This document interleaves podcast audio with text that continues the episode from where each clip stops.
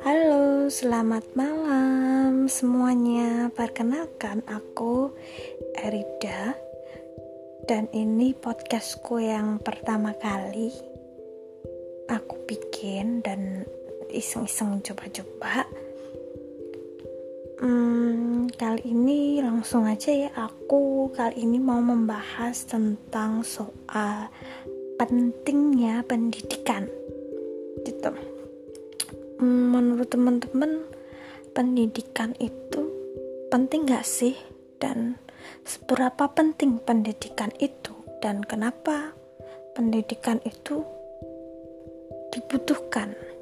Gitu kalau menurut aku ya yang setahu aku sepengalamanku aku berpendapat bahwasanya pendidikan itu penting karena dalam proses pendidikan itu, kita secara tidak langsung akan terdidik, terdidik gak cuma hanya di secara keilmuannya aja, tapi juga secara moralnya.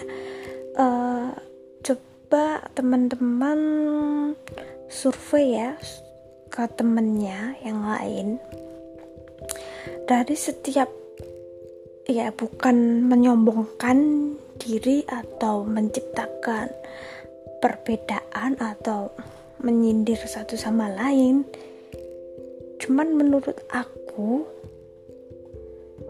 memang dari pendidikan itulah yang membedakan pembawaan orang lain sikap dan orang lain. Uh, umumnya biasanya kalau semakin tinggi pendidikan seseorang itu akan semakin baik-baik akan semakin baik baik di sini yang dimaksud ialah uh, sikapnya lebih baik pembawaan dirinya lebih baik secara keilmuan juga lebih baik. Itu dengan syarat jika dalam proses pendidikannya dia tuh benar-benar menghayati benar-benar mempelajari. Dia benar-benar berproses di situ ya. Teman-teman tahulah kalau kuliah itu kan tergantung individu kan ya. Ada juga yang cuman dateng terus mainan HP pulang. Jadi nggak ada yang ya beberapa mahasiswa kan ada yang seperti itu. Tapi juga ada yang mahasiswa yang datang benar-benar dia menggali ilmu benar-benar dia belajar di situ gitu. Itu nah yang aku maksud ialah eh, pendidikan itu penting jika dalam berproses itu memang dia tuh berproses dengan benar. Itu nanti akan terasa perbedaannya gitu dan menurut aku sih uh, Indonesia ini ya kalau Pak Jokowi ngomong soal kita tuh yang difokuskan ialah pembangunan SDM, pembangunan karakter. Ya aku setuju sih ya. Karena sebagai kita anak muda, kita tuh harus lebih maju gitu baik secara pemikiran, secara keilmuan, secara sikap gitu. Udah ya kayak sudah sewajibnya lah kita tuh menjadi generasi ya generasi muda, tapi generasi yang lebih baik gitu. Dari segi apa pun everything gitu. Dari moralmu, dari akhlakmu, dari ilmumu. Seperti itu agar ya selain itu bertanggung Selain itu, bentuk tanggung jawab terhadap diri kita, terhadap orang tua yang telah mengasuh kita, tapi setidaknya kita ya tunjukkanlah gitu untuk bangsa kita gitu. Ya, siapa lagi sih ya yang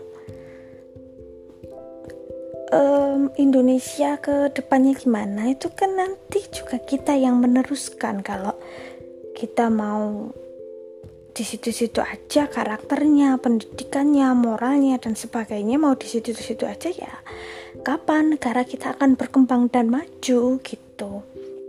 Soalnya sekarang ya uh, semakin ke sana semakin ke sana aku tuh heran gitu.